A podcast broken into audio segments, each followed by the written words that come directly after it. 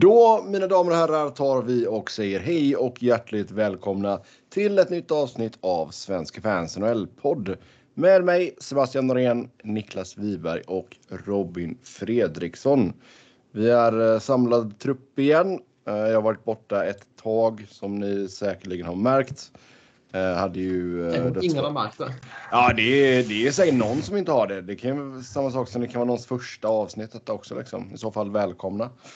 Ehm, men hade ju eh, dödsfall i familjen och sådär så det, det blev lite stökigt. Ehm, så fick ta en liten paus där men nu är jag tillbaka i alla fall och tack till alla er som har skickat meddelanden och så vidare till mig. Det, det uppskattas kan ni veta. Ehm, Robin har varit på semester slash jobb i Spanien. Vi ska prata om det. Jag får väl kuppa in min lilla Spanien-tripp också. Vi kan göra lite jämförelser, speciellt när det kommer till maten. Um, sen har det hänt en hel del grejer på nyhetsfronten i världens bästa hockeyliga. Lite tränarbyten och annat. Så äh, mycket, mycket roliga grejer att eh, grotta ner sig här idag faktiskt. Men vi börjar på sidospåret då, som är eh, Spanien. Där Robin var nere för Diffpoddens räkning och bevakade eh, Djurgårdens träningsläger. Eh, vart, var, vart i Spanien var detta nu, Robin? Eh, det var mm, på Gran Canaria. Så det är okay. mer Afrika än Spanien egentligen. Ja. Eh, men ja. Och på den en mindre befolkad del av ön. Eh, så inte Las Palmas område. okay. Nej, de vill inte ha för mycket paparazzi eller? nej, nej men exakt. Men när den bokades så då var det väl lite mera inne med pandemin fortfarande. Mm. Det har ju avtagit lite sedan dess. Så, ja, ja, men de jo, men det kan man ju köpa. Både väldigt avskilt av den anledningen. Mm. Mm. Ja, eh, det är ju för, för, oss som har följt detta via sociala medier så har ju det varit stark sällskapsresan-känsla på hela det här äventyret. Ja, vi la ju till det introt på poddarna också. Okej, okay, härligt. Så det var ju. Det har varit väldigt uppskattat. Däremot så ja. har ju min kollega jag åkt med, han han har inte sett någon av de där filmerna. Va? Så han... Eh, så han, han fattar inte alla referenser folk skickar. Alltså så här, ja, okay. Eh, Men då får han ju sätta seriöst och... på dem liksom. Jaha, okay, Utan, ja. Eh, så här, finns det svensk kaffe på hotellet? Det är så här, ja, det fanns en kaffemaskin. Det är typ. ja, det är ju lite roligt på ett sätt, men det är ju, det är ju nästan till pinsamt att han inte har sett de filmerna. Mm. Det, så där får han ju sätta sig och bara sträckkolla helt enkelt. Mm. Men nu har han bestämt sig för att inte TV. kolla typ för att folk har tjatat om det. Aha. Typ så. De gick ju på TV äh, i, ja, det var väl i mellandagarna. Ja, men när såg man det på TV? Mm. Nej, men det var, det var lite kul faktiskt. Jag var ju som sagt hemma i Sverige ett tag där och då var jag ju bland annat coronasjuk då. Uh, och uh, då var det ganska skönt att ha de filmerna där på kvällarna faktiskt. Man fick skratta lite.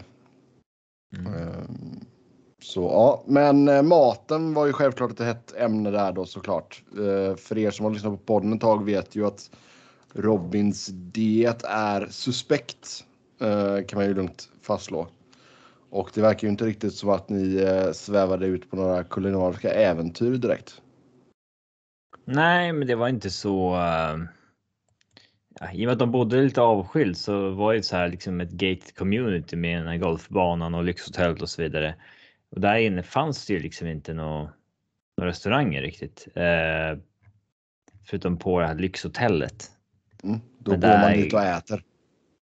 Ja, det, men där var det kostade ju på en nivå där vi inte kunde äta liksom frukost, lunch, middag direkt. Liksom. Uh, Nej, men det fanns ju bredvid träningsplanen som Djurgården spelade på så fanns det en sparbutik där vi köpte lite fryspizzor och sånt där. Men vi hade så jäkla mycket att göra också under det, så vi var alltid liksom på språng. Eh, det var inte så att vi negligerade. Eh, alltså, vi hade kunnat strunta i det och åka in till stan och eh, käka vad vi ville och så där. Men vi. Vi hade väldigt. Eh, eh, hetsigt att försöka få till så många poddsittningar och skit som möjligt. Ja, och det kan jag absolut köpa. Men det, det såg jäkligt roligt ut. Liksom. Gött väder nere på Gran Canaria. Och så ser man liksom någon sån här astrött frystortellini. Man bara, alltså vad gör Ja, den var dålig. Och, och efter tre dagar så hittar ni en restaurang jämte Ja, den här jävla affären. ja, det var väldigt konstigt alltså. Och då beställer ni in en hamburgare. Ja, Ja, det är bara det är ju också sådär. Det är Ehm, ju nej, det är väl inget konstigt. pålitligt go-to move. ja, Ja. men ja. Ja, det är väl i och för sig sant, men det känns ju jäkligt tråkigt att att åka till ett sånt ställe och käka en jävla burgare. Ehm, Ska man hitta på massa lokala grejer så kan man ju verkligen köpa grisen i säcken. Men det kanske de är bra på att göra gris där, det vet man inte. Ja. jag drog ett par dagar till Alicante i alla fall. Ehm, när det var som tröttast i Göteborg. Ehm, var ju som vanligt ganska dassigt väder.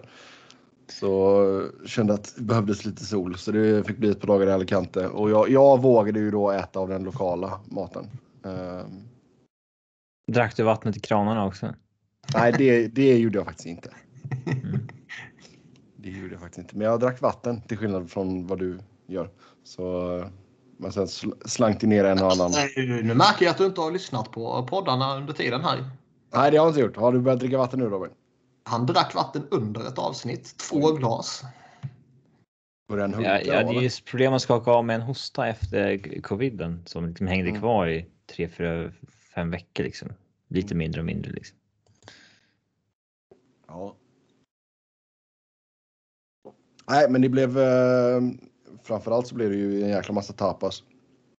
Och eh, sen är de ju bra på att göra räkor där nere också. Det, ja. Så åt gott, drack gott. Badade första dagen, sen fick det faktiskt vara bra för det var jäkligt kallt i vattnet. Ja, det var ju en del som gnällde att vi inte gjorde heller, men det är så här. Ja, men det är liksom 18, 19 grader och poolen var inte uppvärmd och alltså ja, det är klart man kan väl bada. Men Alltså poolen hade jag inte, det, jag hoppade i havet första dagen. Men det var typ 15 grader i vattnet så det kändes lite sådär. Ah, ja, Nej, men så här, ja, det är klart man kan, men det är inte så här. Eh, det lockar ju inte. Nej. Man ska, inte, man ska väl göra det för att det är nice i så fall, inte bara för att man. Det ska göras. Liksom. Ja, jo, jo. Absolut. Ja, eh, vi får se. Har ni fler frågor om våra Spanienresor så får ni skriva in på eh, Twitter helt enkelt. Eh, vi tar väl och går vidare till det vi, Vi, brukar vi, prata om. vi chattade ju lite kort om eh, när jag körde podden förra veckan ändå. Mm. Att eh, vi inte kunde komma på senaste gången vi hade en podd när två av oss var borta. Har du kollat upp detta? Nej, det har jag verkligen inte gjort. Nej, okej. nej, nej. Men eh, jag har ju många fans där ute liksom, som säkert har koll på det. Men jag kan inte komma ihåg. nej. Det känns som att det måste vara länge sedan. Någon gång har vi ju typ eh, skitit i det någon vecka. Jo, men alltså det är och jag menar jag räknar inte typ så här one-off avsnitt heller liksom. Typ som när jag och Petter körde från Kalifornien liksom. Det, det räknas ju inte. Vadå? Ja, jo, det gör väl. Gör det? Ja. Nej, jag vet inte. Vi får gräva i arkivet helt enkelt. Men eh, starkt av Niklas och kriga vidare och stort tack till de som var med på intervjuerna där. Ehm, men eh, ja, nu är vi tillbaka alla tre i alla fall. Så eh, det blir spännande. Eh, Niklas ska lite senare i programmet berätta lite för mig också vad jag ska käka i Nashville. Men först. Edmonton. Hamburgare? jag tänker inte äta hamburgare kan jag säga. Eh, först ut Edmonton kickar Dave Tippett. Jay Woodcroft tar över. Ehm, så det är väl bara att gratulera Jay Woodcroft. Uh, han slipper Bakersfield. Det är väl alltid gött att komma upp till NHL så här, givetvis. Men det är ju en jävla shitshow han tar över. Mm. Ja, alltså för att ta lite eh, backstory på honom. Alltså han var ju, kom ju in i ligan som videocoach och Detroit Eh, mitten av 00-talet. Sen gjorde en massa år som assistant coach i San Jose under Todd McClellan. Sen gick till Edmonton, körde tre säsonger där som ass-coach. Och sen de här, ja, han var inne på fjärde året som headcoach då för eh, Bakersfield Condors.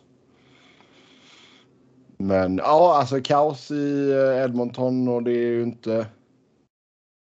Det är ju inte riktigt på samma skala som när det är kaos i Toronto, men det är ju fortfarande ganska uppmärksammat såklart. Ja, men det är ju oundvikligt. Det är det väl på i alla kanadensiska marknader, kanske Winnipeg exkluderat.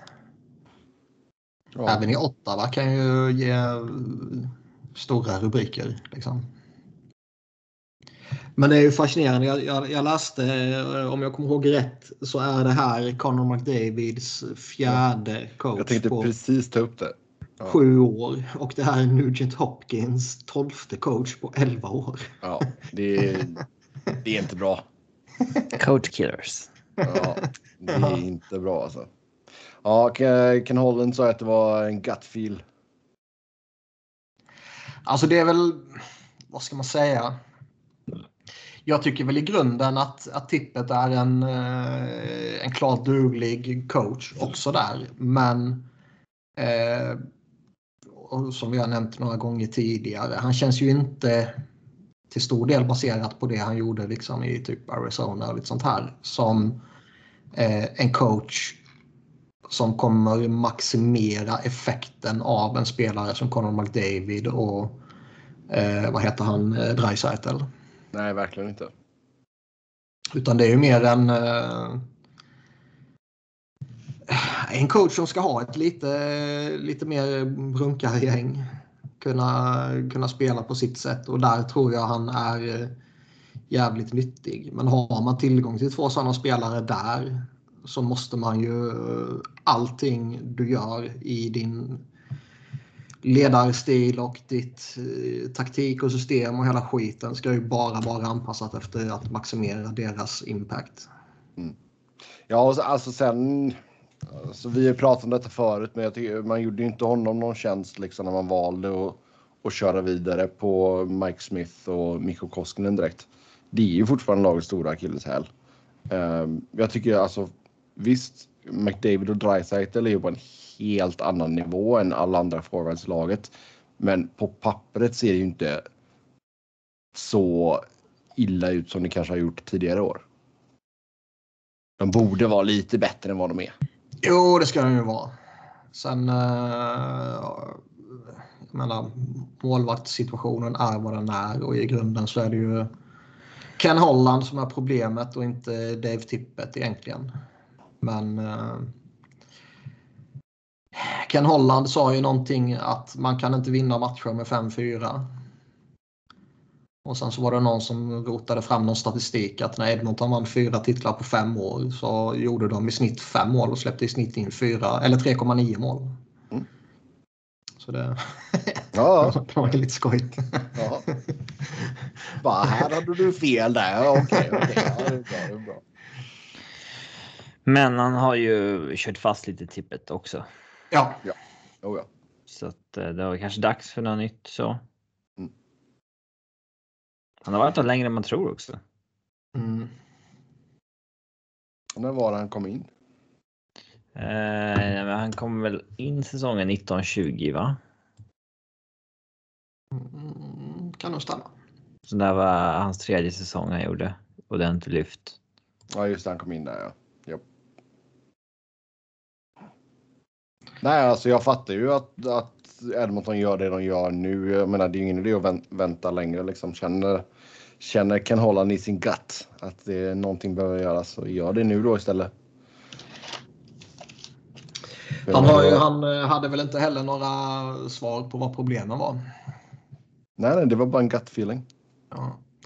Och visst, alltså det, eh, gut feeling kan ju vara en... ehm, eh, jag menar i gut feeling eller fingertoppskänsla är väl samma sak liksom. Och ibland har man fingertoppskänsla och ibland har man inte.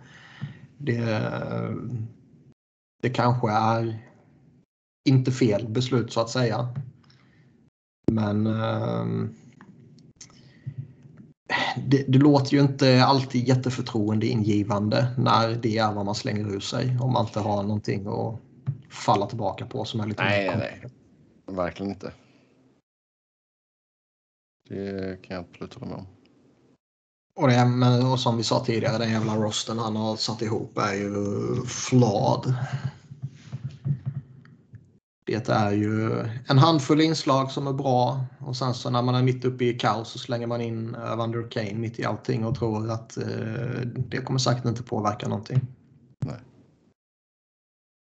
Så jag menar han... Man undrar ju vilken press han själv är under om det här är liksom ett, eh, ett drag han måste göra för att inte riskera något själv. Mycket möjligt. För han har också varit där en, en liten tid nu. Mm. Ja, alltså det är ju... Men sen som sagt, alltså du får ju... Dreisaitl kan ändå visa lite känslor ibland, men Conor McDavid är ju fortfarande den här roboten. Han är den tråkigaste spelaren i hela jävla ligan. Um... Har ni sett på Youtube klippet när han visar sitt hus typ? Nej. Nej. Nej till och med huset är ju jättetråkigt. Inga färger liksom. Inga tavlor. Sketchen när James Milner ska spela boring James Milner åt Manchester mm. City TV när han spelar där. Mm. Han är så här, I don't like too much colors. You see colors everywhere. And... så är Carl McDavid. Ja, men han är bra på att spela hockey i alla fall. det är det viktigaste. Något. Ja, exakt. Det är väl det i grund och botten. Men, men seriöst, hur, eh, hur länge kan de två palla med den här skiten? De har inte så mycket val med kontrakt. Jo, ja, visst, men man kan ju alltid vilja därifrån mer eller mindre aktivt. Jo, men jag det tror bara alltså, skulle ignorera det om de bad om det faktiskt. Det finns ja. liksom ingen annan. Ja. Alltså du har inte samma. Det känns ju mycket vanligare inom fotbollen att du kan bråka dig bort. Jo, så är det väl. Men det kanske är lite av en eh, kultur inom idrotten också. Eller inom ligan kanske snarare. Eh, att man, man gör inte så liksom. Jag vet inte. Men eh, jag menar, går, går McDavid ut och säger att eh, jag tror inte på det här, de har misskött sig. Eh, bla bla bla, jag vill bort härifrån omedelbart. Så eh, är det klart att de inte bara kan luta sig tillbaka och äh, det blåser över det här. Nej, nej. Men det är ju där, alltså. På ett sätt, jag förstår ju varför han signade det kontraktet han gjorde. Det är ja, ju alla, enorm, pengar. enorma pengar. Det är 100 miljoner dollar. Det är ju helt... Ja. Men alltså. Nu är han inne på fjärde året på detta kontraktet. Och de har fortfarande liksom ingenting riktigt att visa för det. Nej, och som vi har sagt några gånger, eller som jag eh, tycker om att, att plocka upp. När, när, eh, för några år sedan så sa de ju att eh, nu ska vi göra den här satsningen och vi ska vara relevanta inom om det var två år eller tre år, jag kommer inte ihåg. Och det är liksom den tidsfristen man har kommit upp i nu. Och McDavid skulle ge dem den perioden innan han typ skulle tröttna. Mm. Om det ligger någonting i det eller inte, det får väl framtiden visa. Men det skulle ju vara sjukt intressant om det kommer ut att eh, en av dem, eller kanske framförallt båda två, vill ja. eh, söka sig någon annanstans. Ja, alltså jag menar, de, de har ju tur i, i ett ur en aspekt att de fortfarande är så pass unga så att jag menar när deras kontrakt väl går ut, om det skulle vara så att de blir tvingade att stanna kontraktslängden ut, så är de ju fortfarande bara runt 30. Men det är ju tråkigt om båda, om vi ser båda passera sin prime här nu och Oilers inte gör något väsen av sig överhuvudtaget. Det... Ja, det är ju ett episkt misslyckande. Mm. Och ha vad som när, man summerar McDavids karriär så bör väl han rimligtvis nämnas bland de allra, allra största. Och om man inte lyckas åstadkomma ett skit med, med honom då så är det ju klart att det, det är inte i närheten av att ens vara nästan godkänt. Nej. Det skulle vara en sak om de skulle fallit på, på mållinjen flera gånger om och gå till några konferensfinaler och förlora en final och lite så här. Då kan man ju. Ja, lite som Avs när man torskat tre game sevens nu. Typ så mm. i andra rundan. Ja, det, det, kan man kanske hantera på ett, på ett sätt som inte är fiaskorubriker. Men eh, de är inte ens i närheten av det. Nej, Nej det, vi får se här nu hur det går då. Men det är ju, visst nu, nu är det väl kanske inga supersexiga alternativ som är kvar där ute. Uh, Claude Julien håller jag som en kompetent coach. Jag tror väl Tårtan är en kompetent coach i grunden också. Liksom. Men uh, det är väl inte heller några man sätter på plats för att maximera Conor McDavids impact. Liksom. De skulle, ju, de skulle ha fått åt sig Boudreau när han var tillgänglig. Mm. Ja. Men nu är det Wood, Woodcroft då som ska försöka styra upp den här skutan. Vi får se hur det går för honom. Sen i Montreal, då fick Dominic Ducharme gå. För övrigt, jag vet, har vi pratat om detta tidigare? Han påminner lite om han som spelar Günther i uh, Friends. Yes. Jag trodde du syftade på den fantastiska artisten. Ja, nej. Nej, det är tyvärr. Han har sett ut som Günther artisten. Det hade varit det hade varit guld kan jag säga. Jäklar vad guld det hade varit att ha en tränare som ser ut så alltså. Oh, ja. Det är, Jack Capuano är ju typ det närmsta vi har kommit. Liksom. Fan vad jag älskar hans frilla alltså. Ja. Har ni sett den här bilden förresten på den amerikanska curling-snubben? Ja, vilken hjälte. Episk. Mm. Ja, men i alla fall. Mm.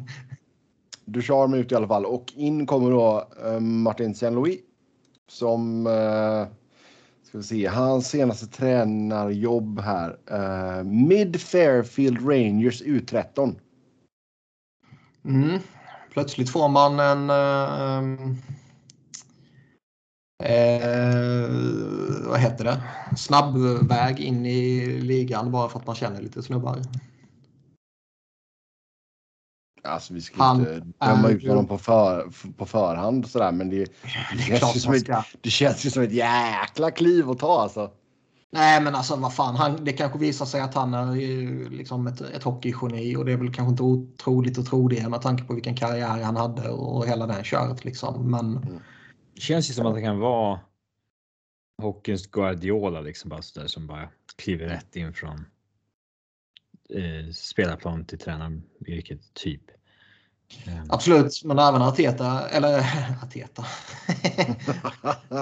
läste jag på Twitter samtidigt. Men även ja. Guardiola tog ju ändå en, eh, en period i, i B-laget liksom. Mm, det har han gjort.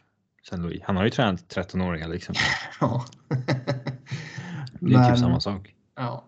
Men det är, man, har liksom, man har läst att han och, och Jeff Gorton de, de, eh, de är polare sen, sen båda var i Rangers och de har ett personal relationship som baseras på att deras ungar spelar hockey tillsammans. Och man bara, jaha? Är det kraven för att du ska bli headcoach i NHL? Liksom? Du känner en snubbe och har en relation med honom för att dina barn spelar i samma hockeylag. Det är ju, det är ju patetiskt. Det kommer man inte ifrån. Det är en sak om, om liksom kliva in på någon form av eh, managementroll. Nästan direkt som spelare. Där, där kan man ju ändå lära sig as you go på ett annat sätt känns det som. Men som, som headcoach känns det ju jätteudda. Men det kanske faller väl ut, för fan vet jag.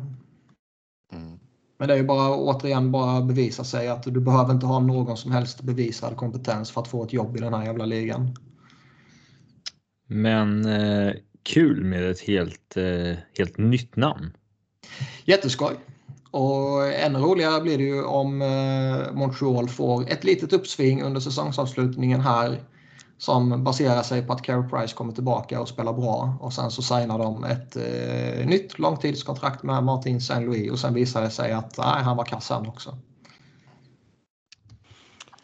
Ja, det har ju gått minst sagt knackigt för Montreal och det är ju en... Eh, ja, alltså det är ju ett hårt fall också. Visst, nu hade man väl en del flyt som gjorde att man tog sig till final förra säsongen, men ändå nu ligger man ganska tvär sist i, i ligan liksom. Alltså, de, ja, de, är, de var ju inte så bra som man liksom kan få ett intryck av när man går till final och de är ju i grunden inte så här dåliga som nu när de är på väg mot en historiskt usel säsong. Utan sanningen ligger väl någonstans mitt emellan och den här säsongen kan man ju skriva av med tanke på Carey Price och Shea Weber och lite andra skadeproblem. Mm. Ja, hur, eh, vi kan ta en liten snabb titt här på Montreal. Vad, alltså, ser ni någonting som man kanske kan få någonting för? Ben Cherets namn har väl nämnts bland annat. Ja, många slänger upp att man kan få en first round för honom. Och det känns väl som en spelare som ett antal lag vill gå efter inför slutspelet. Typ. Då blir det bidding war där, så visst. Jeff Petrie har det ju nämnts nu tidigare i veckan här att han kanske kan vara på vift bort. Tyler Toffoli pratas lite om, dem, så de har ju några inslag. Så Jeff Gorton och Kent Hughes har ju att göra. Oh ja. Ja, men eh, sen Louis pratar ju franska i alla fall. Ja, det är ju...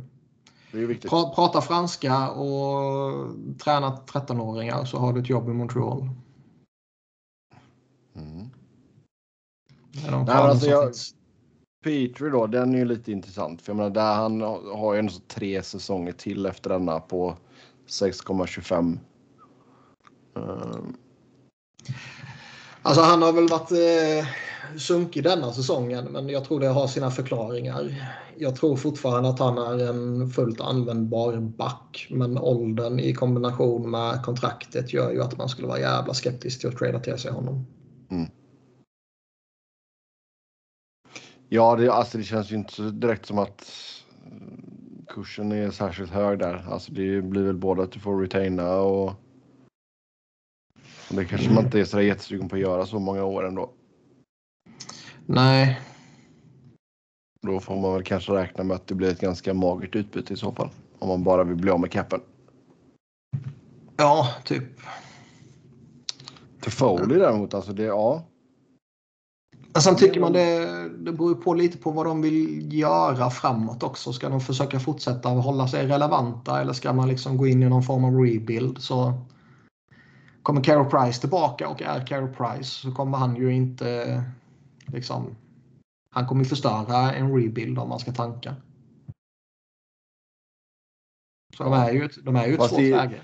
Absolut, jag menar det är samma sak. Alltså, han har ju fyra år kvar på sitt kontrakt. Mm. De har många sådana här halvstora, det är lite nästan Vancouver-varning som jag pratat om tidigare. Många sådana där halvhyggliga spelare på liksom halvstora och halvlånga kontrakt nu. Mm. Ja, och sen har alltså visst vissa framtidsnamn, Nick Suzuki till exempel då, eh, sjukt, sjukt lovande, men han kliver ju upp på nästan 8 miljoner nästa säsong. Så det, de har ju lite att och pula med där just när det kommer rent pengamässigt också. Ja, och man hade nog lite större förväntningar på honom också. Mm. Mm. Nej, alltså den här säsongen är ju, den är ju vad den är liksom. Det, du har en jävla skadelista också liksom. Så det, ja. Nej, de ska ju bara hoppas på Shane Wright. Det är ju det enda ja. de kan göra, gå för det. Ja. Mm. Det skulle vara skoj om Carey Price kommer tillbaka nu och säger Carey Price att Nej, men jag, vill, jag vill spela de sista två månaderna och eh, försöka komma in i i, i någonting så att vi kan ta avstamp mot nästa säsong. Då måste de ju låta honom spela. Så pass stor är han ju. Ja. Och då finns ju definitivt risken att han kan gå in och förstöra deras tankning. Mm. Vilka har vi där i bottenskiktet? Montreal som sagt då sist 23 poäng. Sen har vi Arizona på 28. Sen är det Seattle på 34 och New Jersey 37. Och Philadelphia Ottawa. 38. Ja, Buffalo och Ottawa glömde du. Ja, just det. Buffalo 8. Ja, förlåt. Många skitlag där nere. Ja, förlåt, förlåt. Men visst, det är en hård kamp där nere. Om att få Ja. så bra odds som möjligt. Nej men verkligen. Och det blir ju betydelsefullt såklart. Mm. Ja, nästa punkt på programmet här. Tuka Rask eh, meddelade häromdagen att han lägger av. Eh, gjorde ju comeback här men kände att kroppen inte höll för att han skulle spela på den nivån som han vill och som Boston Men- förtjänar. Höll tillräckligt mycket för att han skulle gå in och förnedra Flyers i alla fall. Men det är så här gött sista avslut liksom. Mm. Nej, men det, alltså, det är tråkigt. Tucka stor profil och liksom har varit en jäkla bra målvakt i många år, men. Åldern tog ut sin rätt på kroppen helt enkelt. Nej men verkligen. Han är ju, han är ju en... eh, Alltså tittar man på räddningsprocent över karriären bland målvakter med minst 500 spelade matcher så har han ju den näst bästa genom tiderna. Det är bara Hasek som är bättre. Så det, det är ju bra siffror det. Verkligen. Ja, det känns som att han... eh, Är han lite underskattad till och med i, i någon form av eh, historisk kontext? Ja, det är väl mycket möjligt att han skulle kunna vara det. Han har, han har ju aldrig känt som den här flashiga snubben. Han har liksom inte riktigt varit the face of the franchise som typ Carey Price eller Henke Lundqvist eller Nej. Bobby Lou eller liksom Rinne eller Bobrovski heller som, som andra toppmålvakter under den här eran. Och Tim Thomas var där lite och överglänste honom som personlighet. Liksom. Ja, jo, Och, och var ju en hygglig målvakt också. Och sen när han försvann så är det ju mer Chara, Marchand, Bergeron som har varit de framträdande namnen. Liksom. Jo, men det, där kan det nog vara en poäng. Det tror jag nog. Men eh, uppskattad i Boston i alla fall. Ehm, så får vi se om man får lite mer kärlek så här efter karriären är över. Ja. Mm. Annars så. Vad var? Jag såg någonting som svepte förbi flödet. Om, om Bergeron missar nästa match eller någonting. Då var det ingen kvar som var med och vann eller någonting. Där 2011. Uh, jag hittar inte den. Ja, I vilket fall som helst. Det, de börjar bli gamla stjärnorna i Boston helt enkelt. Mm. Och sen då är ju Brad Marchand avstängd. När vi ändå så är inne på Boston-spåret där. Sex matcher blev det. Och han är nu den mest avstängda spelaren i NHLs historia. Med åtta avstängningar. Mm. Han tog sig därmed förbi, eh, gissa vem? Eh, och vem kan ha haft sju avstängningar? Raffi Torres, han har med så många. Eh, var det bara att han var för långa? Jag har sett ett namn som eh, tog sig förbi. Det kanske kan ha varit flera som hade där i och för sig, men det är ett namn jag Okej. tänker på. Tom Wilson kommit upp i sju än? Nej, Nej. han får ju inga avstängningar. Han får bara böter. Eh, ska vi se. Nej, jag kan, nej, jag kan inte komma på. I Chris Pronger såklart. Jaha, okej. Ja. ja. Mm. Men det han gör är ju jävligt ruttigt. Ja, men och sen, samtidigt man slutar ju inte att förvånas heller.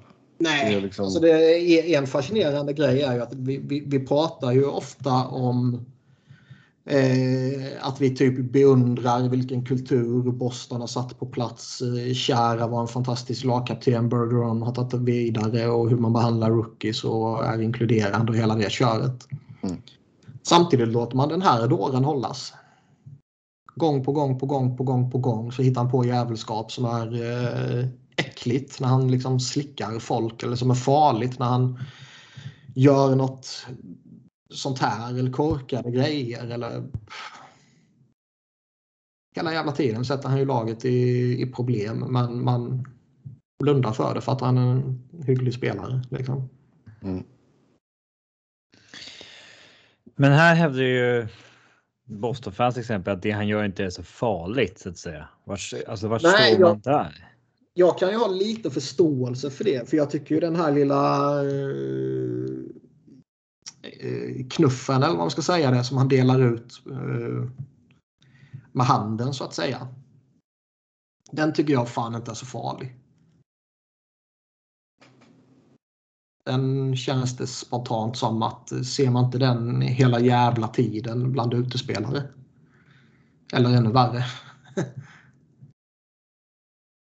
Sen är det väl lite unikt att det sker just mot en målvakt. Men, men det som för mig är obegripligt är det han gör med klubban. Han ska upp och börja veva med den i ansiktet på folk. Även om det inte är kraftfullt och även om det är mot en målvaktsmask och det är lite mer skyddat än en vanlig utespelare. Såklart så är det ju sagt det många gånger förr. Det feg, fulaste och fegaste man kan göra det är att använda klubban som tillhygge. Oavsett om det är att svinga den eller peta med den eller uh, uh, crosschecka över käken och sånt där. Det, det är ett jävla vapen. Man använder Nej, men alltså, framförallt så framförallt, framförallt så tycker jag det är alltså knuffen som sagt, alltså det är ju. Det är ju mer att det är jäkligt o, alltså, osportsligt. Det, jag menar målvakterna ska väl vara.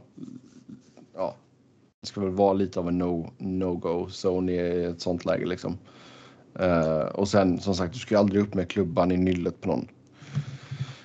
Men det, det var väl någonting som hade, vad ska man säga, verkt fram under matchens gång. Han lät ju inte, Han- Tristan, han lät ju inte Tristan Jari eh, ge en puck till fansfan och Nej, jag tänkte säga det. Och det är ju faktiskt genuint skitskoj. När han ska eh, lyfta upp pucken över plexit och eh, vad heter det? Ja, ge den till en supporter. Då slår han, åker han förbi och slår ner den. det, det är ju faktiskt... Eh, och han fångar den också. Mm. Det, det, det är ju faktiskt skoj på riktigt. Det var väl i Boston också, så då ska man fan inte ge någonting till bortasupportrarna. Liksom. Så där kan jag stå bakom honom. Men Okej. eh, som sagt, eh, upp och peta i ansiktet på, på folk med klubban. Det är... Eh, Jo, men det är ju just det också att han gör sådana bisarra grejer. Jag menar, vi kommer väl alla ihåg när han liksom slickar på folk och liksom det. han är både äcklig och farlig. Jag tycker bara det är... Ja. Och Sen liksom, är jag köp, det- Sen köper jag inte riktigt att... Och jag menar, det är ju samma sak som många har sagt eh, med Tom Wilson. Liksom bara, att bara, "Ja, men ni skulle älska att ha honom i ditt lag och sådär. Men nej. Alltså den delen av Marchands spel, om man nu ska kalla det spel, ehm, vill jag verkligen inte ha i mitt lag. Det är klart att det är enkelt att säga det nu, men eh, det är ju en helt annan grej om man har en, en sån spelare i sitt lag. Det, det, så tror jag det är för alla. Liksom. Man eh, behandlar och eh, värderar folk olika beroende på om de är i ditt egna lag eller om de är i ett lag du hatar eller kanske är neutralt inställd till. Mm. Det är klart det är så. Det, eh, jag skulle, skulle han vara i Flyers skulle jag väl förmodligen försvara honom till stor del eller till viss del. Det, det ligger väl i sakens natur. Liksom. Ja, men eh, sex matchers avstängning blev det i alla fall. Så får vi se ifall han lärt sig någonting denna gången. Då. Nej, det är klart han inte har. Jag har det är- emot att det blir sex matcher dock. Alltså det är så här, jag... Sluta bara bete dig med såna, alltså på det där sättet liksom. Det, jag, jag har mer förståelse för alltså så här hockeyplays som går fel. Ja. Tacklingar som man alltså träffa illa där inte är tanken, men sånt där exakt. beteende måste se helst bara att hockeyn bara ställa bort. Liksom. Det är så sjukt att det inte är någon jävel som bara har gått efter och plockat honom på allvar än heller. Med tanke på all skit han håller på med. Ja. Mm. Nej, jag menar, liksom, han sätter ju laget i en sits här nu. Liksom. Sex matcher, det är, och jag menar, han är en av deras mer produktiva forwards. Så det, jag menar, det är inte bra. Nej, nej. Mm. Sen har väl Boston tur i, i deras... Ja, man har ju en liten eh, kursen liksom. Det, Ja, men det ska ju till något alldeles speciellt. De, de måste ju kollapsa ju extremt känns det som. ja. Men eh, man kan nog eh, skriva av möjligheten att klättra upp till topp tre kanske. ja, alltså där är det ju... Vad är de? Åtta pinnar bakom Toronto som har en match i hand dessutom. Skriva av ska man väl inte göra med en halv säsong kvar, men Fan, man glömmer ju i det i och för sig en god poäng. Man glömmer ju att bara är halva säsongen. Med tanke på min Flyers-depression så känns det som att man är på match 75 eller någonting. Mm, Det har bara gått 46. Ja. Eh, ja. Mm, så är det med det. Ehm, sen ett par kontraktsförlängningar. Jordan Greenway, Minnesota. Tre år. Capita på 3 miljoner. Ja. Tycker det är fair. Jag tycker han är eh, bra och användbar. Han... Eh, jag kommer inte ihåg exakt när det var, men man började få upp eh, ögonen för honom under ett JVM där jag tycker han gjorde goda avtryck för USA och eh, man hade lite eh, lite förhoppningar på honom när han klev in i ligan. Och, ja, det var där 16-17 ja. eh, och det känns ju inte riktigt som att han eh, har levt upp till de förväntningarna som man hade där.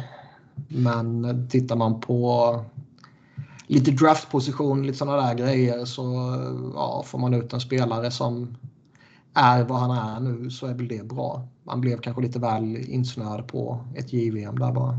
Jo, alltså han gick ju som, ska vi se, spelare nummer 50 Ja. eh, draften 2015.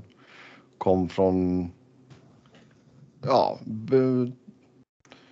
liksom tre bra år i collegehockeyn, Boston University och så som sagt det JVM då, när han gjorde åtta poäng på sju matcher. Ehm, så visst. Men alltså, jag får ut en... Alltså det är ju svårt i och med att han bara har spelat en liksom full säsong. eh, Mm. än så länge. Men slår man ut det på vad han är nu över 82 matcher så är väl det här Mm. Bra. Liksom. Ja, oh ja. Och det är inte så att han tar något jättekliv i lönekuvertet där heller. Går upp från 2,1 till 3 liksom. Så eh, nej då, men det, det känns stabilt. Eh, Patrick Maroon, Big Rig, stannar i Tampa Bay. Två år, en miljon capita. Det är väl också intressant eh, så tillvida att han får två år.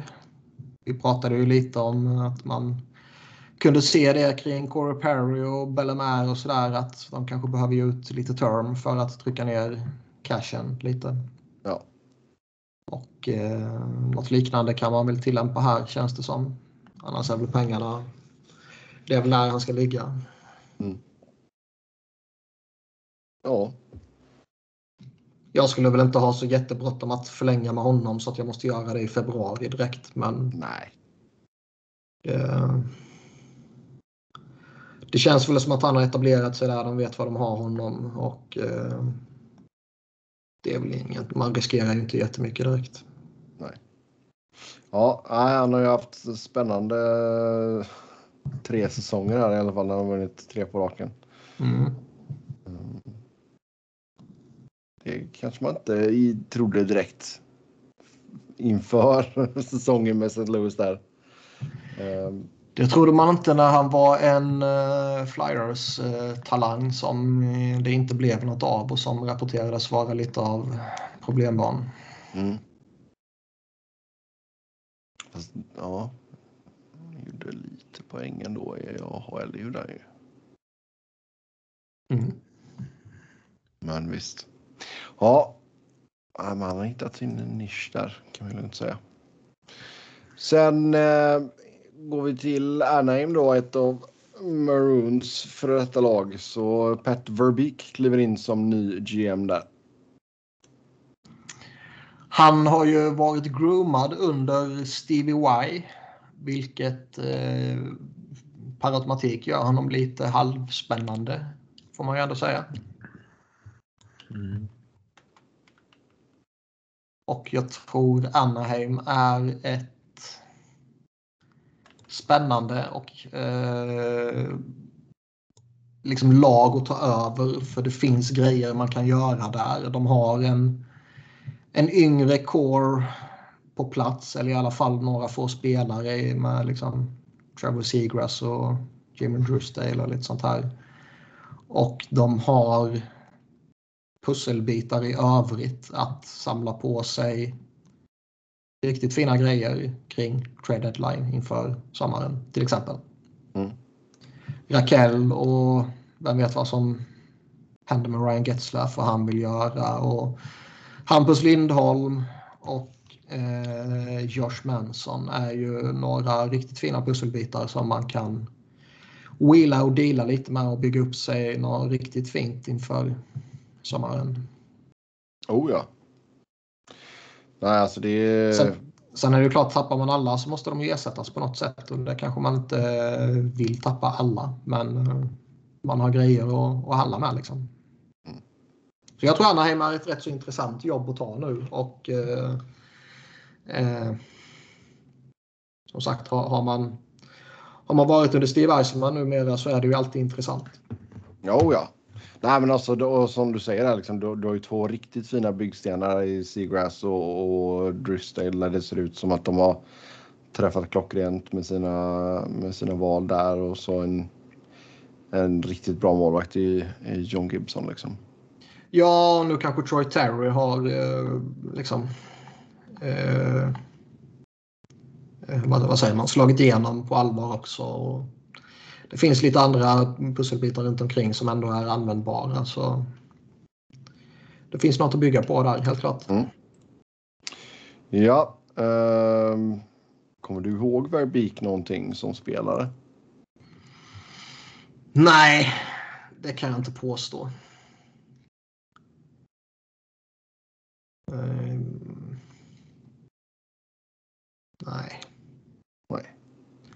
Vissa av de där spelare är också liksom, du vet, de harvade runt lite de sista åren och kramar ur lite sista pengar när de inte är vad de en gång var. Den, den, den bilden man eventuellt har av vissa spelare är ju inte alltid representativ för de var under sin prime då såklart. Men han var ju en bra spelare. Han gjorde poäng utav helvete, han gjorde mål utav helvete och han tog utvisningar utav helvete. Och han är väl... Jag för mig att han är typ den enda spelaren med 500 mål och typ 2500 utvisningsminuter eller något sånt där. Oj. Ja. Ja, det, är alltså, det är ju starkt ändå. Jag menar, ska se, det var en säsong han gjorde 43 baljer och ändå så tog han 246 utvisningsminuter. Mm. Han var en liten jävel också. Med NHL-mått mätt. 1,75. Ja. Mm. Mm.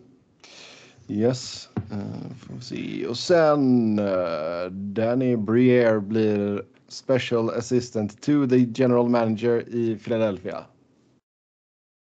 Mm. Mm. Och det är Danny ju... Schrute. ja, det är ju... eh, Det är ju lite liksom lip service mot supportrarna. Skiten och organisationen brinner. Nu ska vi försöka ge supportrarna något man, man kan tycka om. Liksom. Och så slänger man upp Danny Breer som alla tycker om. Och hoppas att eh, korkade supportrar ska glömma lite av misären och vara glada för att Danny Boy eh, blir involverad på riktigt. Och Mm. eh, det, funkar funkar ju på mig. Det, det funkar ju. Ja. Ja. Han, han är ju väldigt likable. Han, är, han var ju en eh, väldigt likable spelare och han verkar vara en väldigt eh, skön eh, dude. Liksom. Ehm, folk börjar ju redan spekulera att det här är början till att eh, Chuck Fletcher ska typ fasa ut sig själv och kliva upp som president of Hockey Ops och så eh, Breer får ta över som GM kanske redan till sommaren eller något sånt där. Men jag vet inte, det är väl lite förhastade slutsatser att dra när det inte har rapporterats något om det utan det mesta folk som typ så här borde det bli. Folk som önskar helt enkelt. Ja, no, exakt. Och det är liksom inte mig veterligen är det inte Elliot Friedman och Pierre LeBrun som säger det utan det är liksom bara random folk som du Joe Schmo. Ja. Men det är klart, det, det kan väl vara ett scenario man kan se ske givetvis. Om det så blir nu till sommaren eller om det blir om ytterligare ett år. Men eh, det verkar ju som att han eh, är liksom respekterad och eh, uppskattad runt omkring i ligan och sådär. Mm. Han ska ju tydligen ha gått på någon sorts business school efter karriären också. Har ju rattat lite ECHL-organisation och sånt här så han har ju erfarenhet av den delen också. Ja, det är inte 13-åringar i alla fall. Nej. Nej.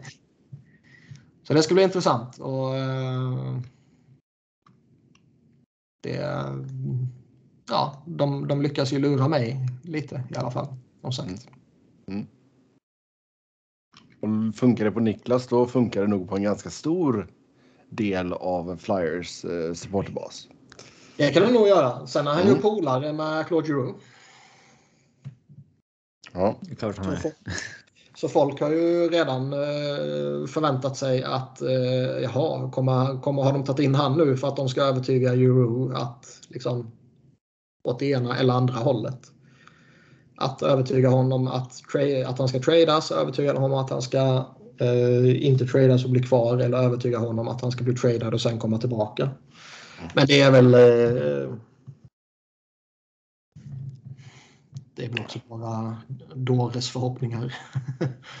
ja vi får väl se vad som eh, kommer fram lite senare. Trade deadline är ju 21 mars så vi kommer ju och eh, grotta oss ner mer när det närmar sig. Vet ni vilken dag det är eh, idag? Det är den andra torsdagen i februari. Jag gissar att det är typ så här. ja, Nu är det sex år sedan som eh, liksom Giroux gjorde sitt fjärde hattrick i Flyers eller någonting. Nej, men igår var det ju eh, årsdagen av eh, John Leclerc Eric Desjardins-traden. Men idag är det ju nu när klockan har passerat midnatt och det är den 11 så är det Mike Richards födelsedag. Ja, Så där ja. vi lyfter på hatten. Ja, det tycker jag allt att vi gör. Det var en bra trade. Uh, japp. Eh, sen har vi Arizona som är i nyheterna igen.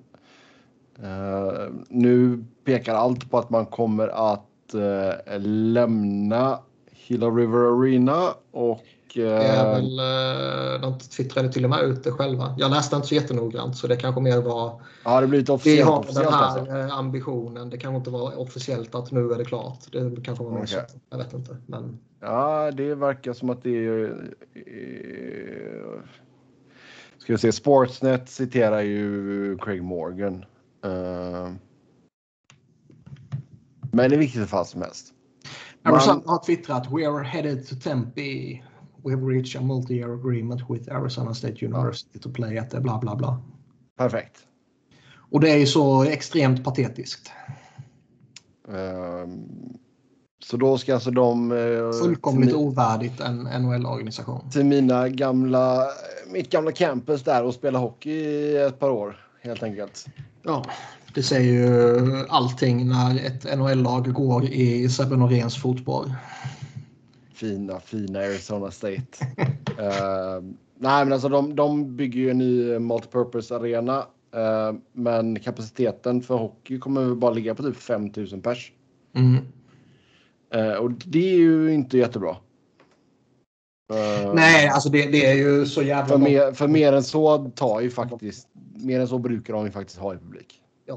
Och det är det helt obegripligt. Det, det är en sak om det här skulle röra sig om typ om man har en situation som typ Islanders hade. Att man får inleda en säsong eh, innan en ny arena är färdigbyggd. Typ. Mm. Eh, det, det, det, det, det är ju helt okomplicerat liksom. Men, men det här över en treårsperiod, det är ju... Ja, det är åtminstone tre säsonger.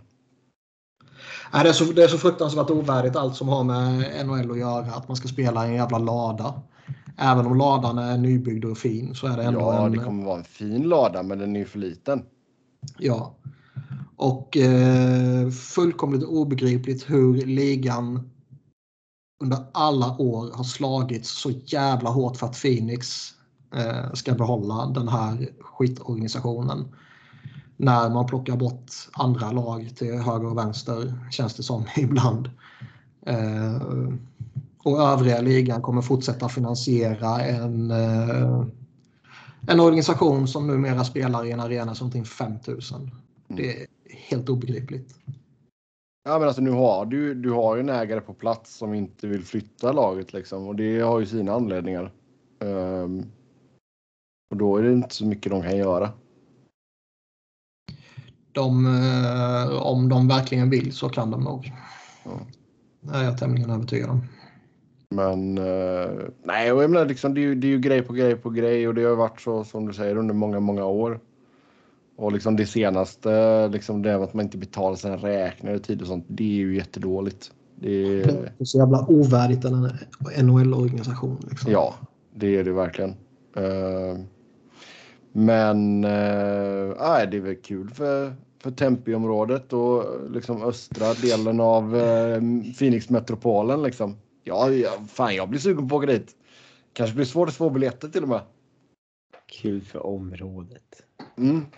Men eh, nej, alltså 5000 det är ju alldeles för lite. Det, sen kan jag förstå ifall inte ifall inte universitetet vill ändra på sina planer och göra den större liksom. För det, 5000 Nej, vad, är ju, fan, vad ska är de göra det för?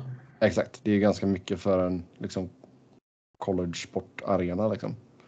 Ja, alltså det, 5000 är ju fortfarande en stor arena. Det är ju sådana arenor vi har här hemma. Liksom. Det, det är ändå stora komplex. Liksom. Växjös över 5000. Ja, drygt fem. Jag tror den är typ 5 och 4, 5 och 5. Något sånt där jag för mig. Så Frölunda Borgen. Eh, Ja, det vet du bättre. ja. Det har man aldrig varit ju. 7600. Mm. Men det är ju alltså nej. Eh, Sorglig organisation, sorgligt lag på isen, sorgligt att ligan eh, tycker att det är okej och uppmuntrar den här skiten. Mm. Eh, och sen eh, universitetet behåller ju eh, liksom naming rights och sponsorship grejerna för själva namnet på arenan och sådana grejer. Det är ju bara game day revenue då som eh, Coyotes får. Jag borde inte ens få det. Så ja. Jag ska bojkotta dem i alla fall. Jag ska inte eh, åka dit. Jag tror du hade gillat det alltså. Ja, det tror jag med. Men eh, jag kommer ändå bojkotta dem. Ja. Så Ja, de har fått en mäktig fiende. Om de, Ja. redan var det. Yes. Nej, man ska åka till eh, Arizona och kolla på lite college eh, amerikansk fotboll och grejer. Det är bra grejer. Fan vilket tryck det kan bli. Eh, Chicago har intervjuat Carl Davidson som är nuvarande inter, interim GM. Eh, Peter Chiarelli, Eric Tolsky, Matthew Darsh, Scott Mellanby och Jeff Greenberg. Och han är ju faktiskt assisterande GM i Chicago Cubs eh, i jakten på en ny GM. Eh, Det här- ja, Alltså det, det är ju faktiskt jävligt intressant för de är ju superöppna med vilka de pratar med. ja, jag tweetade Ja, ut allting. konstigt. Det kan jag inte eh, minnas att man har sett. Livestreama intervjuerna. Ja. Eh, För jag menar, eh, jag kan bara dra mig till minnes att det är insiders och liknande som, eh, brukar De brukar rapportera det, sånt. Ja. Oh, ja. Jag kan inte dra mig till minnes att man har sett det här någon gång tidigare. Nej. Och det gör ju en konspiratorisk att det finns eh, vissa andra saker som händer i Chicago som de vill försöka måla över. Chicago flyttar fokus på, till någonting annat. Nej. Ja, allt ifrån Kyle Beach till eh, det var ju någon annan jävla snubbe som hade fått lämna nu i AHL-organisationen för Ja, något det. liknande sexuella trakasserier. trakasserier. Jag kommer inte ihåg exakt vad det var. Och sen så eh, den här jävla dåren till eh, ägare. Mm. Men Wirtz. ja, det kan, man väl, det kan vi väl vänta lite med. Men, eh, det, det är ju spännande så tillvida att det är ju massvis av olika profiler som man pratar med. Det är den gamla gubben som eh, typ alla fortfarande verkar tycka ska ha ett jobb inom The 200 Hockeymen i Peter Chiarelli. Det är lite nya, sexiga, spännande namn i Eric Tulsky som är i Carolina då ju och eh, Matthew Darsh i, i Tampa. Och sen så är det från en helt annan sport. Mm. Och det är ju är det en indikation på att man liksom inte vet vad man vill ha så att man bara kallar ihop allt möjligt man bara kan komma på? Eller är det en indikation på att man eh, vill göra ett så genomarbetat arbete som möjligt? Vi vet ju inte, i och med att ingen organisation förut har varit så här öppna, så vet vi inte om det här är standard liksom. Nej, det är ju sant i och för sig. Det, ju, det brukar läcka tre, fyra GM-kandidater lag har snackat med, men det kanske är vanligt att man intervjuar liksom sju stycken typ. Mm. Nej, men och sen jag tror just att du, att du kollar på någon som är i samma stad fast åt ett annat professionellt lag. Liksom det, man undrar ju lite hur mycket det skiljer sig på från sport till sport. Liksom, Men, just när det ja. kommer till, till eh, upper management-grejerna. Liksom. Jag läste något också om att Chicago eh, Blackhawks då liksom har, eh, har typ en ambition, en vilja att liksom suga upp ännu fler eh, Cubs eller baseball. Va? Ja, Ännu fler eh, från liksom baseball eh, sfären. sfären i Chicago. Då. Mm. Ja, Oj, nu har vi breaking news. jaha, vad har vi nu? Michael Del Soto announces he has obtained a real estate license in the state of Florida. Oj, oj, oj. Stökigt. Det låter som någonting som borde gå på någon sån här dokusåpakanal.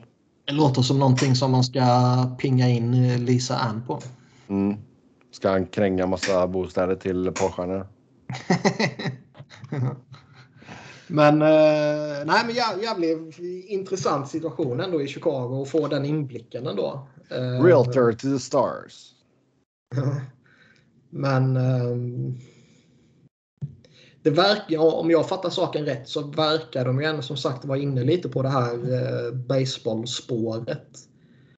Um, om det sen innebär att det är han Greenberg de vill ha eller om de vill ha eh, annat folk och sen så ta in en eh, liksom Chiarelli. Ett enligt många i The 200 Hockeymen säkert kort. är väl det, är ju lite så med tanke på hur hela den här jävla organisationen brinner också och det bara kommer nya skandaler varje vecka känns det som. Så är det ju kanske inte helt fel att sätta in en rutinerad jävel där. Och med det sagt så eh, är kanske inte Peter Shirelli den rätta rutinerade jäveln. Men det kan ju bli lite överväldigande när man slänger in en helt färsk snubbe. Eric Tulsky som är väldigt spännande, som är lite the king of the nerds med statistik och grejer och som är Philly boy som många vill se som GM i Flyers. Men det blir väl inte av. Men jag kan ändå, jag kan ändå tänka mig att det, det kan finnas en viss vinning med att få in en rutinerad jävel där. Och av de här så är det väl Chiarelli som är den rutinerade jävlen. Mm. Oh, ja. Eventuellt Ja. Greenberg också, det har man ju ingen aning om vad det är för något snubbe.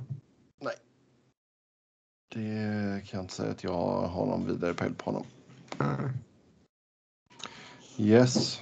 Ja, sen nästa punkt lite bredare här. Vad har vi att säga om det allmänna läget i NHL just nu? Stökigt.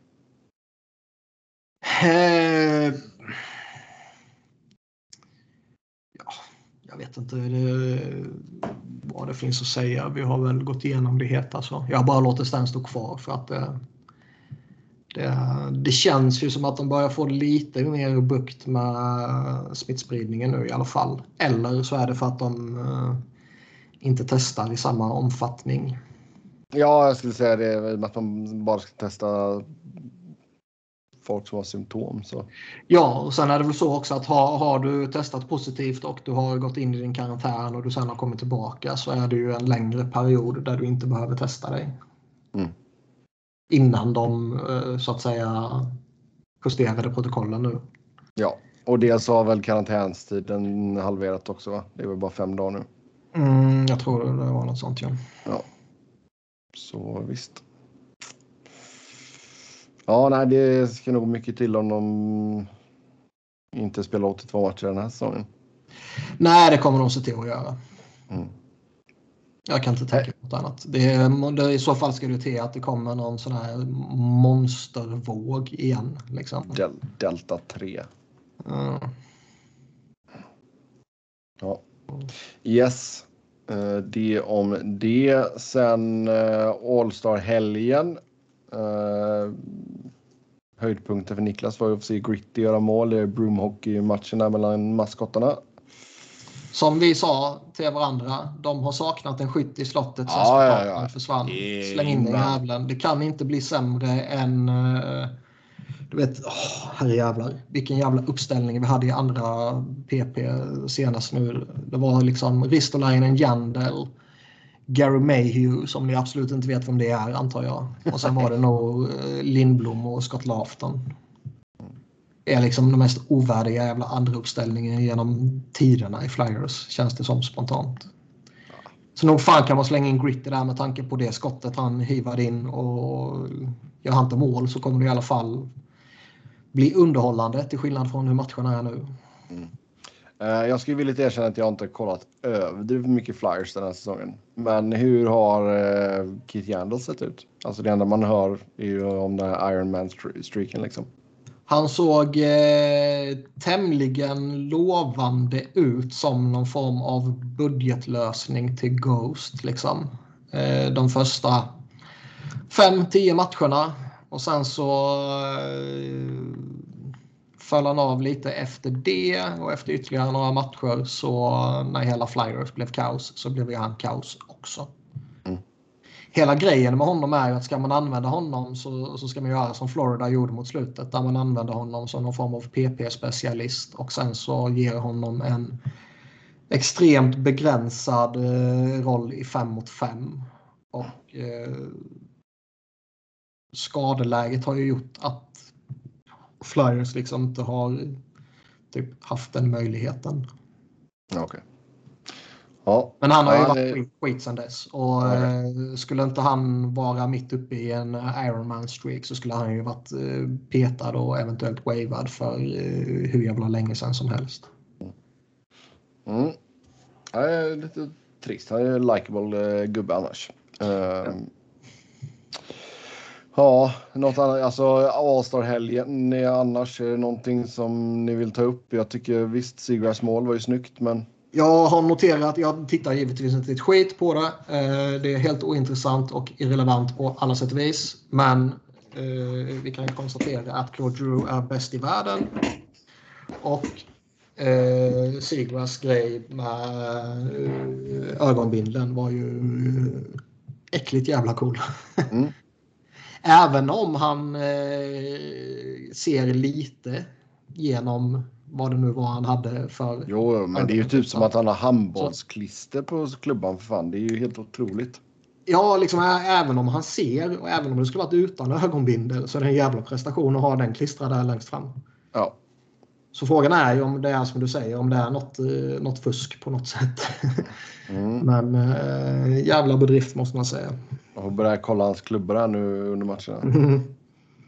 Nej, men det är coolt. Jag, menar, liksom, det, jag, jag, jag såg ingenting och utöver det klippet på honom och ett eller två klipp på typ mål som Claude Giroux gjorde så har jag inte sett ett skit av. Det... Nej. Nej, men alltså det är, det är ju trist. För jag menar liksom det, men det kan också vara att man var mindre. Men jag menar liksom när vi var små, du och jag Niklas. Då var det inte så lite coolt med Allstar liksom. Det var... Vi har ju sagt det tidigare också. Tidigare var ju Allstar-matcherna var ju någonting som man eh, som var status. Det var ju någonting som när, när man summerade eh, en spelares eh, karriär från den liksom, föregående eran så gjorde det med, man med att han har, han har vunnit så här många Stanley Cups och han vann eh, eh, Hart Trophy och sen så gjorde han 12 All-star-matcher. Liksom. Mm. Så är det inte längre. Det är ju bara trams. Nej, alltså jag tycker upplägget nu. som man hade förr med antingen om det var då East mot West eller att det var liksom Nordamerika mot, eh, Nordamerika resten. mot eh, resten. Liksom. Och sen att man bara tog ut de bästa. Mm. Ska man ha republikaner mot demokrater nästa gång? ja. ja. Det är sådana, vad heter det, midterm elections i år, så visst. Det skulle inte alls eh, haverera. Nej, ja, inte alls, inte alls. Ja, Eh, sen har ni tittat någonting på OS-hockeyn? Absolut inte. Nej. Då Och... kan vi nästan släppa den tycker jag. Vi kan bara säga grattis till Danmark. Nej, vi eh, skitturnering. Fullkomligt ovärdigt på alla sätt och vis. Och eh, eh, mycket udda upplevelser för mig i, idag känner jag. Jag brukar ju, som ni kanske är välbekanta med, tycka att Tre Kronor är jävligt tråkiga och usla och hoppas de ska förlora mest hela tiden. Uh, och så skriver man det och så brukar man få massa mothugg och idiotförklaringar och skit och grejer. Men nu är det ju massa som håller med mig. Det är med, tanke, med tanke på att OS är som det är och med tanke på att uh, Garpen liksom typ petade alla de poängbästa spelarna. Mm. Uh, så det, det, det, som går in och pangar in två direkt. vad fan, det är ju... Stabil 3-2 seger över Lettland. Nej, det var det ju verkligen inte. Jag såg ju inte ja. den, men om man har läst sig till så var det ju allt annat än stabil i slutet. Ja. Vad, vad har vi mer? Jag får kolla lite på resultaten. 8-0 mellan USA och Kina. Då har ändå så Kina typ tagit in alla spelare de kan som inte är... De har blivit så här heders kineser liksom.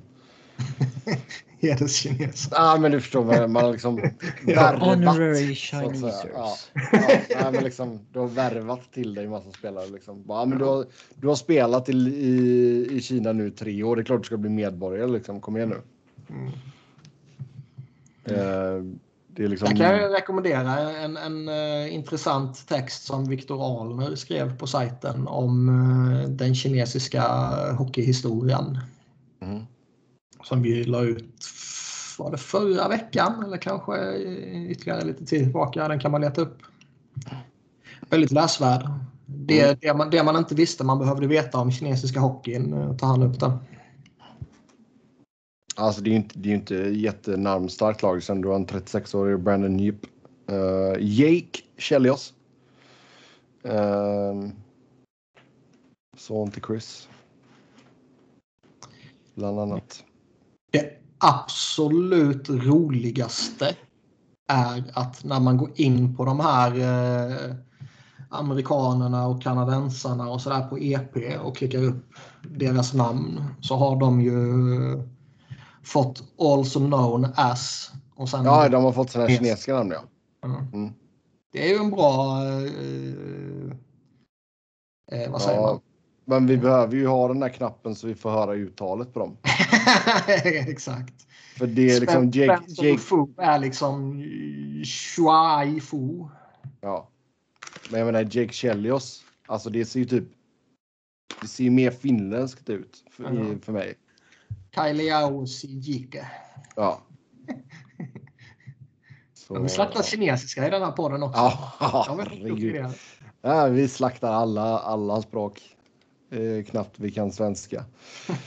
Yes. Eh, ja, vi lämnar OS då med andra ord i och med att det inte är någon av oss som riktigt eh, bryr sig. Och det är tråkigt att det är så. Men Nej, det har ju knappt hunnit börja heller. men det, ja, vi får väl se. Det, eh, men vad har ni? Det är väl typ. fan är det? 13 timmars tidsskillnad härifrån i alla fall tror jag. Ja, alltså, det är på, Vad- alltså i, i premiärmatchen för Tre Kronor spelades ju 05.10. Mm. Nice. Och då behöver man ju vara bra dum i huvudet för att gå upp och titta på den med tanke på vilket skitlag de kommer med. Ja. För det gjorde jag absolut inte. Nej. Yes, vi glider in på lyssnarfrågorna som har ett stort tack till er som har skrivit in till oss. Uh, först ut, inte för att försvara galningen Wirtz, men inbillar sig folk att ägaren i typ Rangers eller även Carolina inte skulle få för sig att agera på det här sättet. Speciellt när de har hunnit bli lite smådementa och frångår den uttalade företagsstrategin. Eh, det är väl klart att han eh, inte är ensam om man tittar runt om i ligan att tycka att det här är någonting som aldrig borde kommit upp till ytan och när det väl kommit upp till ytan så ska man begrava det och inte låtsas om det så fort som möjligt. Mm. Eh, det tror jag de flesta kan vara överens om. Liksom. Men eh, det är ju en sjuhelvetes meltdown han får. Oh ja, det är värt att se det klippet. Ja. Och det är ju så länge den jävla galningen fortsätter att sitta högst upp i hierarkin som han gör så eh, kommer ju ingenting förändras i Chicago.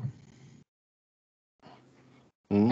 Även om han eh, har eh, börjat ta ett litet kliv tillbaka och det är grabben Danny som rattar det mesta nu så är han ju fortfarande ägare och eh, chairman.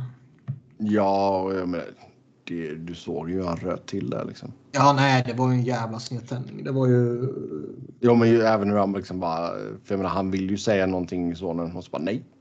Ja, Eh, men, ja, nej, jag vet inte vad man ska säga. Det, det, det, det behöver inte kommenteras. Det extrema eh, snedsteget och eh, helt obegripliga attityden mot det som har hänt. Liksom. Att man, vi ska inte prata om det, vi ska typ låtsas om att det inte har hänt. eh, Sådär. Då, eh, gör man på det sättet så är det ju uppenbart att man inte kommer liksom eh, vad, vad säger man? Nu tappar jag orden. Att man inte kommer... Han kommer inte växa och utvecklas. Och... Ja, man kommer inte se till att det inte sker igen. Vilket det har. Som sagt, som vi sa tidigare, liknande grejer har skett i Chicago även efter Kyle Beach-situationen. Eh, Så det är ju en genomrutten organisation som borde brännas ner till grunden. Och man kan ju börja med den här jävla dåren. Mm. Sen eh, är det någon som vill höra i våra förslag på om vi fick rebranda Hawks logga och namn. Eh, vi får inte bränna ner dem som Niklas vill utan vi ska. Vi ska Inget rebranda. olagligt. Nej, inget olagligt. Ehm, Nej, men det, man skulle väl använda den som de på The Athletic använder när han refererar till Chicago till exempel. Det har inte jag sett. Han använder ju aldrig um, Hawks-loggan. Okej. Nej, vad är det då? Vad, vad, exakt vad använder han då? Ja, men det är väl den gamla, alltså det är en C där man ser. eh, eh, ja. något sånt. Eh, Ett C där man ser. ja, alltså vil- vilken, vilken beskrivning alltså. Det ja. Man snabbt. eh, se hur den ser ut. Men det är väl den här patchen de har på eh, axeln. Axeln kan jag säga så här, Niklas fattar. Mm. Det är två, uh, vad är det? det ser ut som två rockhammers i över C. Jaha, det, ah, okej, nu är jag med dig. De är... Ja, yxorna. Den hade i varit rätt ful om man hade den på i, mitt på Mm. tröjan kanske. Ja, alltså det är ju svårt att bara komma på något sådär. Eh, jag hade ju inte anlitat samma firma som Frölunda gjorde i alla fall. Ha, herrejävlar. Ja, men sluta alltså. Ett jävla hakkors. Fan alltså. Plagierat av... Alltså det är ju helt otroligt att man bara slösat bort vad, vad det var, typ en miljon. En miljon var det väl på typ om det var ett år eller två år. Kommer jag inte Ja. ihåg. Det är ju bedrövligt. Det är liksom visst bra att de, nu går vi av på ett sidospår här, men liksom bra att de drog tillbaka det liksom, men det skulle inte ens ha skett från början. Liksom. Men återigen, du vet, någon, någon, eh, nu, nu verkar det väl som att den här, eh, vad heter han, Graus? Grausch, ja. Ja, det verkar väl som att han eh, i grunden verkar vara rätt kompetent och verkar vara rätt eh, viktig för att Frölunda har tagit stora kliv framåt. Eh, Om jag har fattat saken rätt. Men eh, här kändes det som att det var ett typexempel på när eh, någon eh, klubbpamp inte begriper sig på att man måste engagera supportrar kring sådana här frågor. Nej, exakt. Nej, alltså det känns ju bara som att det har liksom, man har suttit där en jäkla circle jerk bara. Liksom styrelse och den här, den här jäkla byrån liksom bara, "Ja, men det här blir jättebra. Bara, ugh. Nej, det var en jättemärklig logga. Alltså, jag, jag trodde ju, alltså. De enda... Den, den, den, Ja, men det är liksom ganska cool. Det var ju så här ganska cool liksom sån här liksom build-up till det hela. Liksom det var presskonferens, det var någon snyggt gjord liksom film och så bara kommer den jävla sketloggan i slut. Man bara vad fan. Och de enda som tycker att loggan är bra utöver Frölunda-höjdarna själva är Nordfront. Eh, Det borde vara lite avskräckande för en eh, hockeyklubb kan man tycka. Ja. Nej men alltså liksom framförallt och så det med plagiatanklagelsen där också liksom. Det är ju inte svårt att se eh, den heller liksom. Det är sjuka Men, grejer. ja, men, men nu blir det någonting förhoppningsvis bättre i alla fall. Ehm, men Hawks, vad skulle vi kalla dem om vi inte kallar dem för Blackhawks eller Hawks? Uh, ja du. Jag vet inte. Jag kommer Nej. bara på en massa olämpliga namn som... eh, Ja, jag menar det är ju svårt att liksom komma på grejer som inte redan finns och sådär också liksom. Ska du beskriva en ny logga också? Ja, exakt.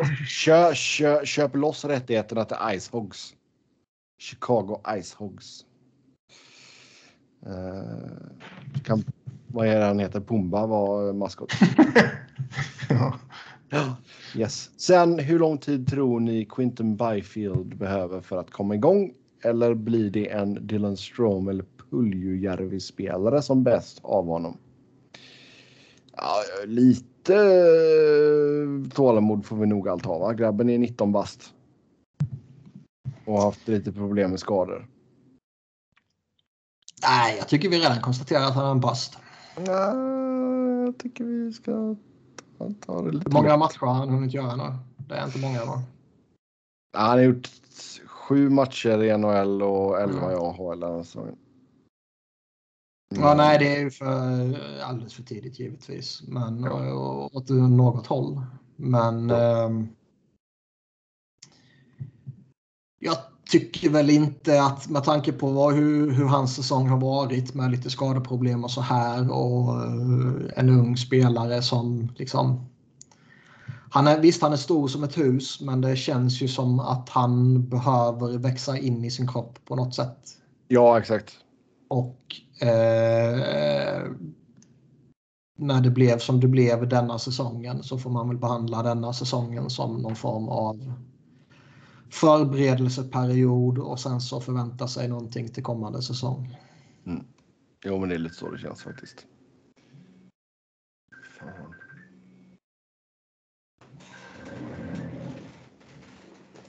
Vems telefon? Min frus jobbtelefon. Svara live i podden. Ja, exakt. Hello.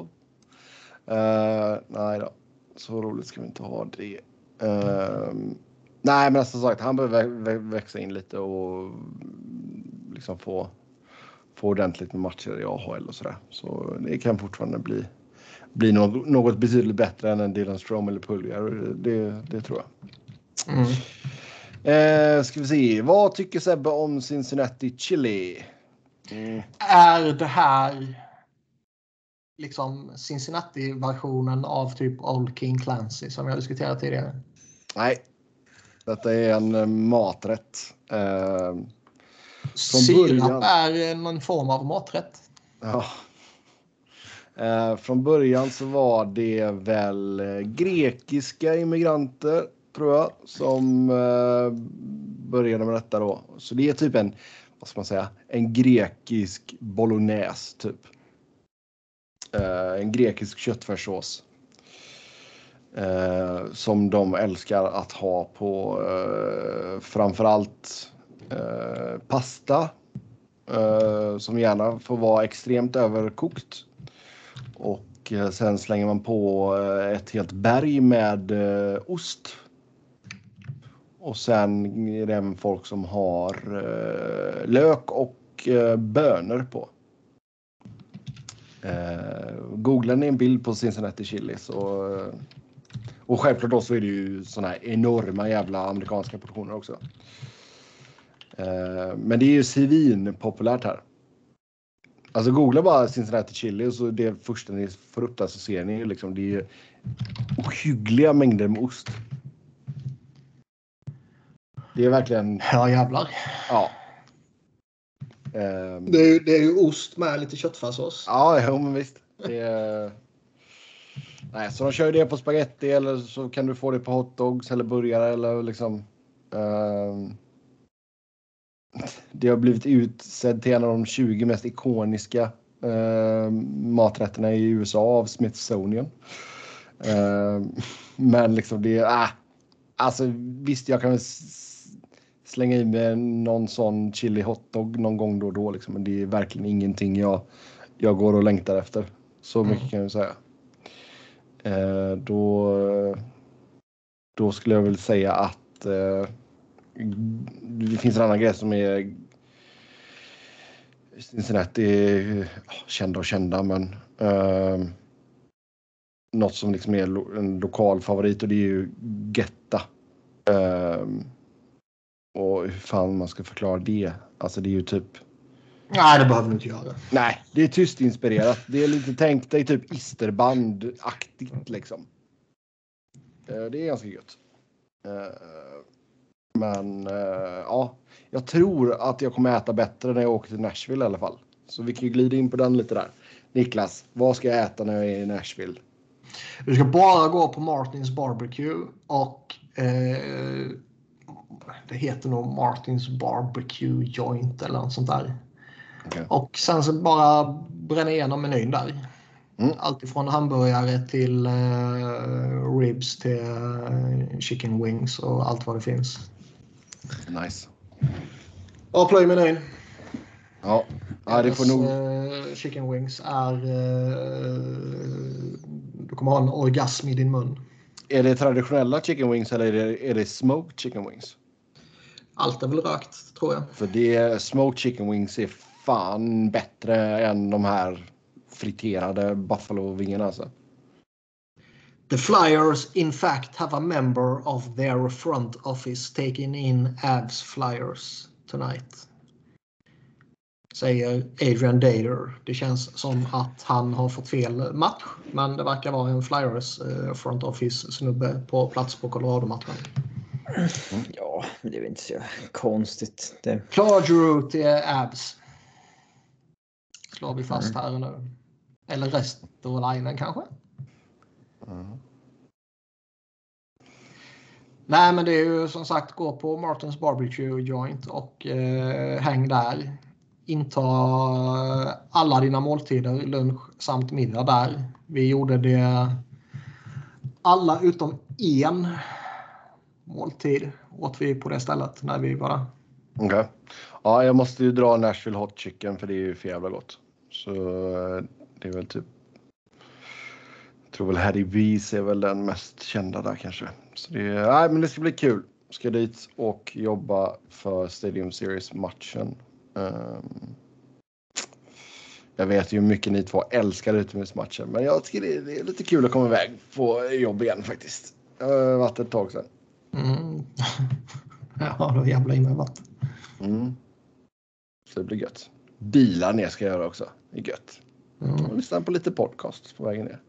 Mm. Då kan du lyssna på dem du missade här som det ja, exakt. skandalartat att ni inte lyssnar på. Oh ja. Ja, eh, sen här. Bästa hockeyfilmerna. Bästa hockeydokumentärerna. Bästa hockeyböckerna. Självbiografier är okej. Okay. Då har vi fått eh, förslag här också. Mystery Alaska, Slapshot 2. Eller Slapshot menar jag. 2. Broad Street Bullies, Big Bad Bruins, 30 for 30 of Miracles and Men. Men ingen bok. Ja. Alltså det, den bästa hockeyfilmen är ju utan någon som helst konkurrens egentligen Sudden Death. Mighty Ducks 1. Sudden Death. Sudden Death är en eh, tidlös klassiker och eh, tillsammans med Universal Soldier, Van Dams mästerverk. Threat Level Midnight, är det också en hockeyfilm eller? Ja, det är det väl på ett sätt. I så fall ska den in på listan. Men, ja. Men Sudden Death är ju, den är ju cool på riktigt ju. Nej, så, den är inte. Den pingvinmaskoten uh, mördas liksom. Uh, nej, den är fina. Det är fina grejer. Den får vi snart se om. Mm. Nej, men alltså... Den ska... Uh, vi har pratat om det här tidigare. Jag måste ha nämnt The Rocket tidigare. Mm. Ja. Som är om Maurice Richard. En, en spelfilm då liksom. Den är från 2005. Den är... Um... Den är bra, men den är inte så här. Den, den, den slutar ju lite tvärt mitt i karriären. Ja, det är väl nackdelen. Och hans brorsa Henri Richard har liksom inte. Han är inte med i hela filmen. Mm. Det är också lite konstigt. Mm. Han bör ju Men ändå den- figurera i bakgrunden. Jo, man tycker det. Men det är ändå... Eh, liksom, man, man får ändå se... Eh, det fanns ju en, en diskriminering mot fransk-kanadensare på den tiden. Man får se lite hur det var. Man får se lite The Richard Riot, hur, hur det var. Och, eh, Vinnie Le Cavalier eh, spelar en roll. Sean Avery spelar en roll och lite sånt här. Den, den, tyck, den tycker jag är genuint sevärd. Den, den är en, en bra film. Sudden Death är mer en cool uh, actionrulle. Liksom. Mighty Ducks är bra fast liksom själva hockeysekvenserna är ju jättekonstiga liksom. Det är... De har inte åldrats. Nej. Alltså fan det är ju interference. Det bara sjunger om det när de kommer flying vidare liksom. Det är... Ja. Men Mike Modano är med på ett litet hörn. Bassett McRae är med på ett litet hörn. Vem är det? Slapshot är ju cool. Men, men som sagt den, eh, det är väl hockeyfilmernas hockeyfilm. Liksom. Ja, Mr. Alaska är bra också. Um, alltså böcker, jag tycker ju Boy on Ice är, är väldigt bra. Uh, Boy on Ice. Det är ju den om Derek Bogard. Jag har, jag ska se här. Miracle är ju lite klyschig liksom. Den Eh, är ju bra. men den, hockeyscenen är otroligt bra i den. Ja. Mm. Det är Eh. Great, Great Expansion-boken är bra. Är det en bok man ska läsa så tycker jag faktiskt det är boken om Pelle Lindberg. Och det säger jag inte bara för att han var en flyer. Eh, Thomas Stranders bok om, om honom. Går den ens få tag på längre? Ja, det kommer en ny utgåva för, eh, vad blir det nu? Kan det ha varit fyra, fem år sedan kanske? Finns det en som e-bok? Eh, kan det nog göra. Annars får ni gå den- till ert lokala bibliotek. Jag tror eh, den, den finns ju både på svenska och engelska i alla fall. Eh, den, är, eh, den är bra, den är väldigt gripande. Det är ju en tämligen unik situation. Liksom. Eh, ja, det är lite sorglig sådär liksom och man, man kommer ändå väldigt Lite nära. sorglig. Liksom. Ja, Snubben dör ju liksom. Ja. ja spoiler alert.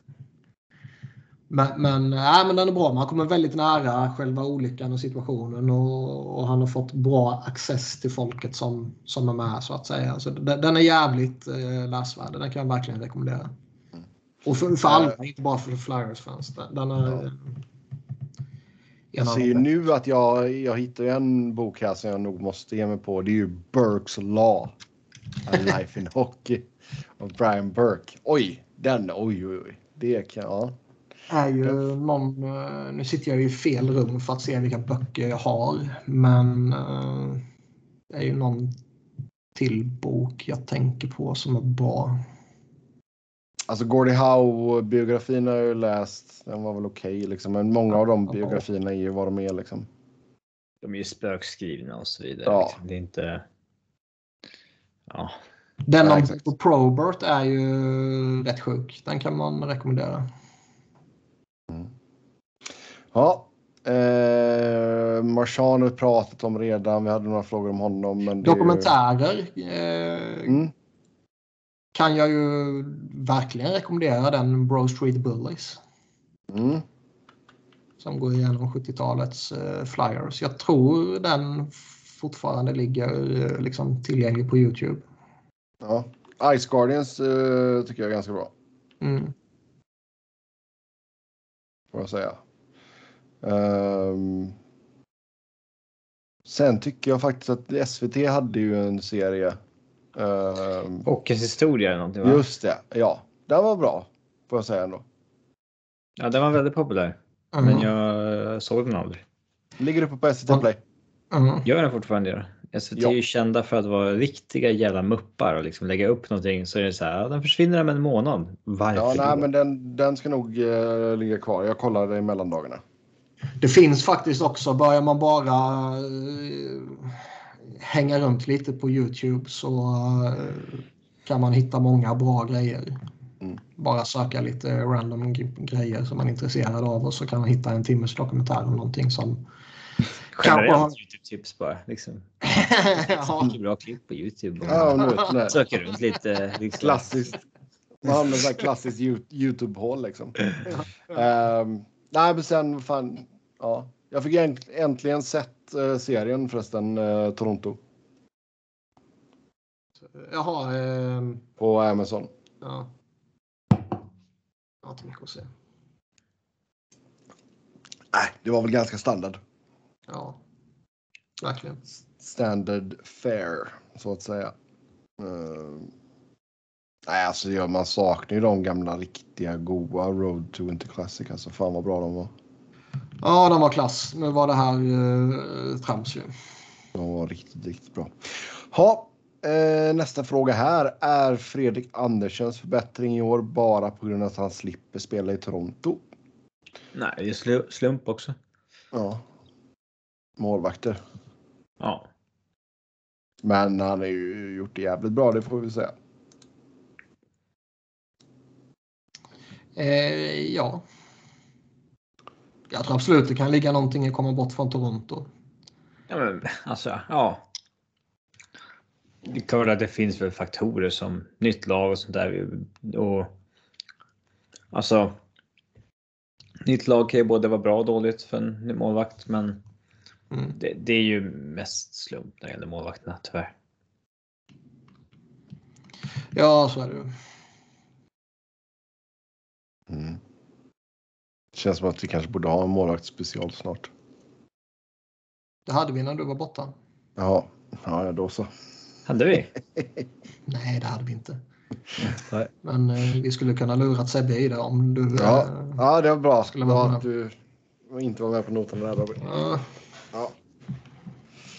Yes. Eh, med Sider och Raymond är Detroit äntligen på väg åt rätt håll. Vad borde deras fokus ligga på i draften slash free agency? Oj. De har Draften, ju... alltså, det är ju... Man ska inte ha något speciellt fokusområde i draften. tycker inte jag. Nej, bä- bästa möjliga spelare. Ja, Bästa möjliga spelare om det inte är så att det finns ett eh, extremt hål någonstans och allt annat är extremt välfyllt. Då, då skulle jag kunna köpa argumentation för att gå efter position. Om, om det inte är extremt Jo, men det ska ju inte... givetvis. Ja, exakt. Det är ju inte så att du bara ska ta någon kille som egentligen ska gå 30 platser längre ner bara för att du behöver en center. Liksom.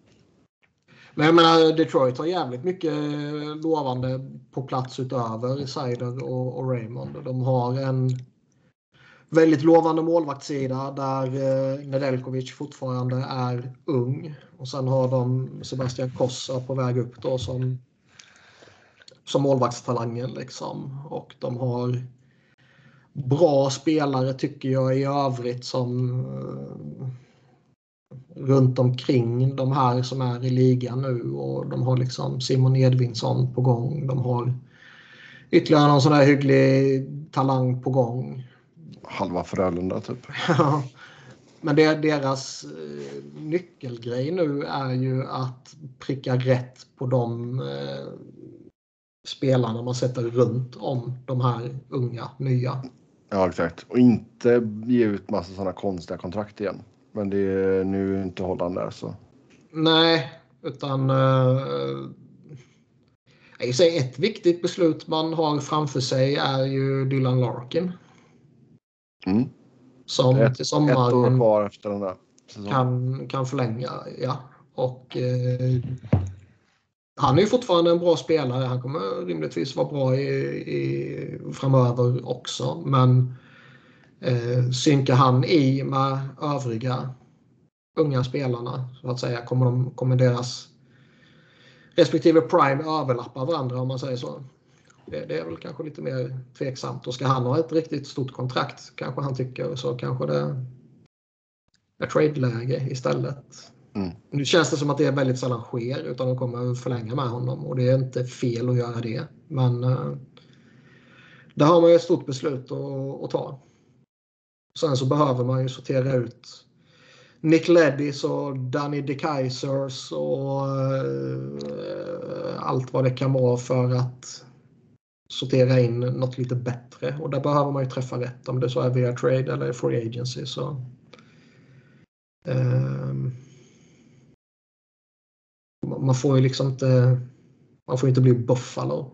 Nej, exakt. Där man prickar fel på de där spelarna och slänger ut dyra kontrakt. Nej. Yes, uh, ska vi se här. Med tanke på Lundqvists tröjhissning, en lista över tröjor i taken som inte förtjänar att hänga där. På grund av svensk-hatet är svenska spelare såklart untouchable. Och en lista över tröjor som borde hänga i taken. Oj, ja den var stor. Ska vi dissekera varenda namn som hänger i tak då alltså? Ah, nej, Det är för mastigt. ja det känns som det va. Ja. Vi tog upp den för något avsnitt sen och då sa Robin samma sak. Och det kanske är en fråga vi kan spara till när eh, vi har mer utöver eller off-season eller något sånt där. Mm.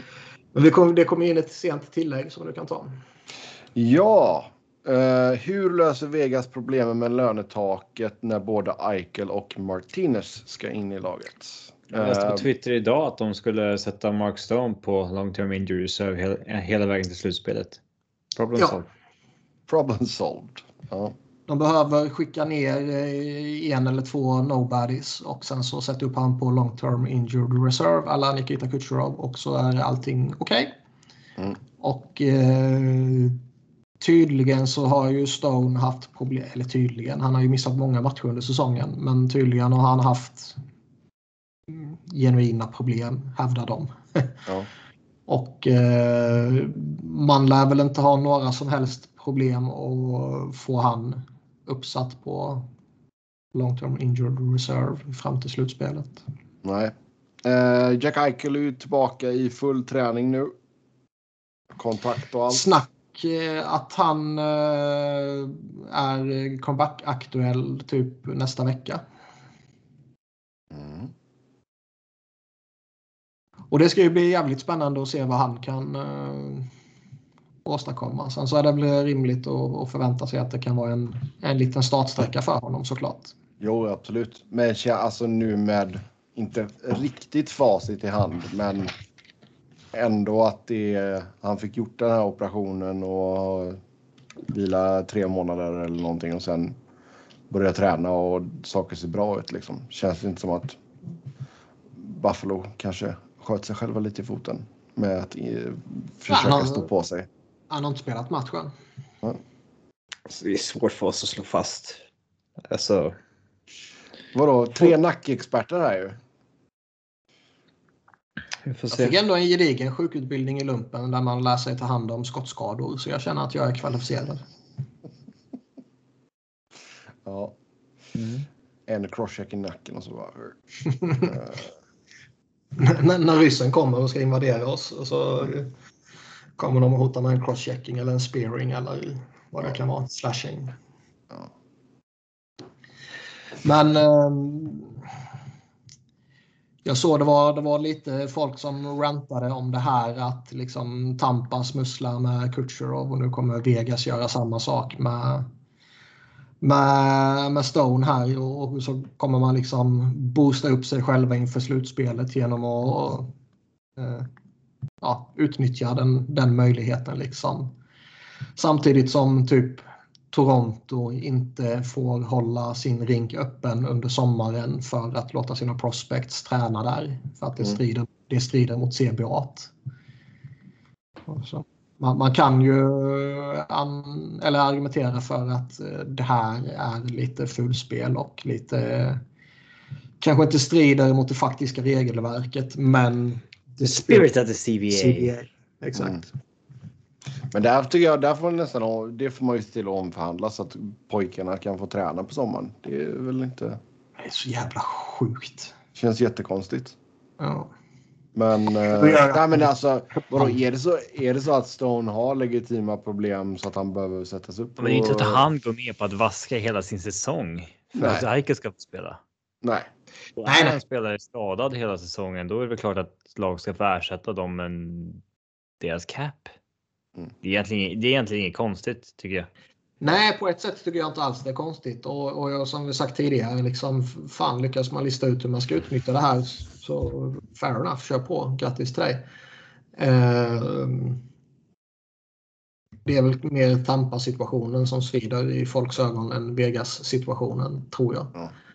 Men eh, det är ju ändå en eh, en speciell situation där man liksom slår fast att ja, men han kommer liksom missa exakt den här tiden och sen kommer han vara tillbaka exakt till match 1. Och eh, så kommer det vara även om han är spelklar tre veckor tidigare. Jo, men alltså hade det inte varit så att Stone hade problem som, som, liksom, som man kunde göra detta, då hade ju inte då hade ju Eichel inte varit redo det är inte mer med det liksom.